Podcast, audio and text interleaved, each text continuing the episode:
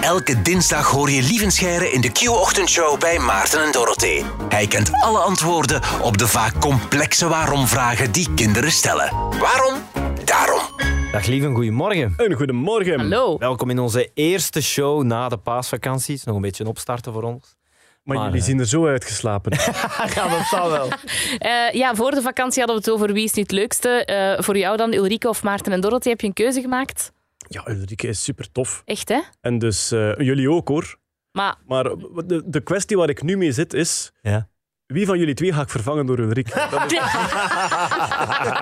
Maarten, Maarten. Lieve, hoe ziet je week eruit? Eh, ik ga op safari. Eh, ja. Ja, Ja, vertel. ja. Ik ga nu vrijdag op safari op de school van mijn kinderen. Ja? Ja, en? Is, het is een insectensafari. En dat is een ideetje van eh, mijn vriend Peter Berks, die dat al heel lang doet. En een insectensafari is gewoon ergens in een tuin of een speelplaats of een park met een entomoloog. Hè. Peter is entomoloog. Maar met hem heb je samen dat boek ook, hè? Voor die insecten? Een Ja. insectenboek.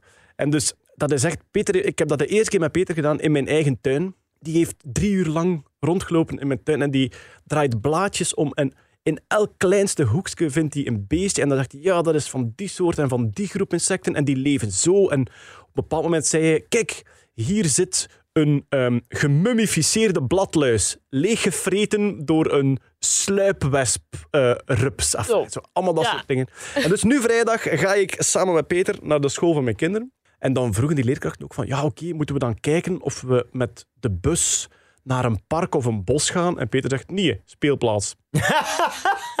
en die loopt dus echt twee uur rond op een speelplaats. En die haalt de zotste beesten uit de struiken en het... eh, ja, dat, ik, heb, Kei leuk. ik heb ooit met Peter een insectensafari gedaan in het ehm, provinciegebouw van de provincie West-Vlaanderen. Binnen. Die heeft 35 soorten gevonden. In een gebouw. Amai. Ja, en dat is het coole aan die insectensafaris. Gelijk waar dat je zijt, je vindt zodanig veel beesten en een entomoloog daarbij die er- daarover vertelt. Dat is, eh, ja. En dat ga ik dus eh, vrijdag doen. Mooie vooruitzichten Leuk. voor die leerlingen daar. Fantastisch. Goed, we hebben nog een vraag deze week. Laat ons die erbij halen. Het is een vraag van Julie en Nout. Waarom legt mijn kip een wit ei en waarom legt mijn kip een bruin ei? Ja. Tja, dat is de schuld van de mens. Tum, tum, tum. Ehm, de kip. De kip komt oorspronkelijk uit de natuur, maar dat is echt al heel lang geleden. En dus vroeger was dat gewoon een in het wild levend eh, beest. En de mens is, is die vrij snel gaan domesticeren, zoals wij ook met de koe en het varken en de hond en de kat gedaan hebben. Ja, zo van jullie moeten hier blijven vanaf nu binnen dit hekje en wij gaan nu jullie gebruiken voor eieren en melk en zo. Ja. Dat is het een beetje. Inderdaad, en natuurlijk, eh, de natuur doet dan niet meer de natuurlijke selectie, Mhm. maar de mens kiest dan wat ze tof vinden. En bij, ah, als je een varken vergelijkt met een everzwijn bijvoorbeeld, wat is dat? Ja, de mens wou dat dat steeds braver werd. En daar moest zoveel haar niet op staan. Totdat dat eigenlijk een wandelende hesp werd. ongeveer. Hè, dat is, ja. En dus met de kip ook zijn zij beginnen selecteren hoe groter dat ei, hoe beter. En eh, hoe vaker dat dat een ei legt, hoe beter, enzovoort. En over heel de wereld zijn er enorm veel verschillende kippenrassen ontstaan. Ja. Die allemaal hun eigen eigenschappen. Er zijn er kleintjes en grote, er zijn er hele mooie, er zijn er sierkipjes, er zijn legkippen die eigenlijk alleen maar moeten eh, eieren produceren. En na een tijdje zijn er ook verschillende kleuren eieren ontstaan.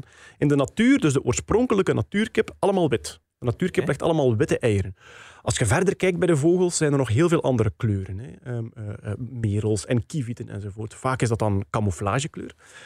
De kleurlaag die op een ei aangebracht wordt, is de laatste fase van het ei. Dus eh, Oh, oké. wist ja. ik niet. eigenlijk is dat ook een fantastisch biologisch systeem. Daar worden genoeg voedingsstoffen in gestopt, genoeg energie in die dooier. En dan alle bouwsteentjes, de eiwitten van ons lichaam, zitten Ja. in het eiwit, vandaar ook de naam.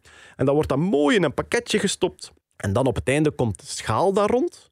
En dan de laatste fase van de schaal is eigenlijk het pigment dat daarop komt. En bij de kip zien ze dus van ja, dat pigment komt meestal van elders in het lichaam. Dat had een andere functie. En gewoon door een evolutionair toevalletje is dat pigment ook beginnen verschijnen in de laatste fase van eh, de cloaca, dus de- de- het stuk voor de cloaca. En daar wordt dan een eh, kleurlaag op het ei aangebracht. Het is zelfs vaak zo, als je een eierschaal eh, breekt, Ja? dat de buitenkant de kleur heeft en de binnenkant van de schaal niet, bijvoorbeeld. Ja, dat dat echt op het einde erop gezet wordt. En er zijn nu allerlei kleuren eieren. De bekendste zijn de witte en de bruine. Er zijn ook groene kippeneieren. Kippen die Huh? groene eieren leggen. Er zijn kippen die rode eieren leggen, paarse eieren, Huh? roze eieren. Ja, je hebt een immense variatie. Maar zoals heel vaak gebeurt bij dat soort landbouwdieren en ook landbouwproducten, de soortenrijkdom die er 100, 200 jaar geleden was, die is bijna volledig aan het verdwijnen. Enkel de meest interessante soorten voor industriële productie worden overgehouden. En vroeger had je over heel Vlaanderen immens veel kippensoorten. Bijna elke, elke regio had zijn eigen typische kippensoort. Ah, ja. En dus nu krijg je echt... ehm, in Wachtebeke, in Puijenbroek, heb je een ehm, dierentuin voor levend erfgoed, heet dat. En daar proberen ze al die verschillende kippensoorten in leven te houden. En Ah. daarmee te kweken, omdat die, omdat die anders verdwijnen. Dus wij hebben eigenlijk als mens verschillende soorten kippen ontworpen, zelf, hè, door, door zelf te selecteren bepaalde soorten over te houden. Sommige daarvan zijn andere kleuren eieren gaan leggen. Er wordt soms geloofd dat een witte kip witte eieren legt en een bruine kip bruine eieren. En dat is niet zo. Dat hoeft niet per se. Maar er is wel een trucje dat heel vaak werkt. En dat is, eh, kippen hebben een soort eh, oorlelletje. Hè, dus kippen hebben een soort lelletjes van onder aan de keel. Die Ja. hebben een kam. En die hebben ook een soort, ja, een beetje ehm, stukje vlees onder de oortjes. Oké. En blijkbaar, als je daar naar kijkt, kun je daaruit de kleur van het ei min of meer voorspellen. Ah, dat wist ik echt niet. Ja, eh, ik heb het ook nog maar net bijgeleerd en ik heb het nog niet getest. Dus als je mij de komende dagen door Vlaanderen ziet dwalen om naar kippenoorlellen te kijken, dan weten jullie welk wetenschappelijk onderzoek ik aan het uitvoeren ben. Misschien kunnen we het gewoon vragen aan de luisteraars. Als je thuis kippen hebt, kun je even voor ons de kleur van het ei met de oorlel vergelijken. De wetenschap is u dankbaar. Ja.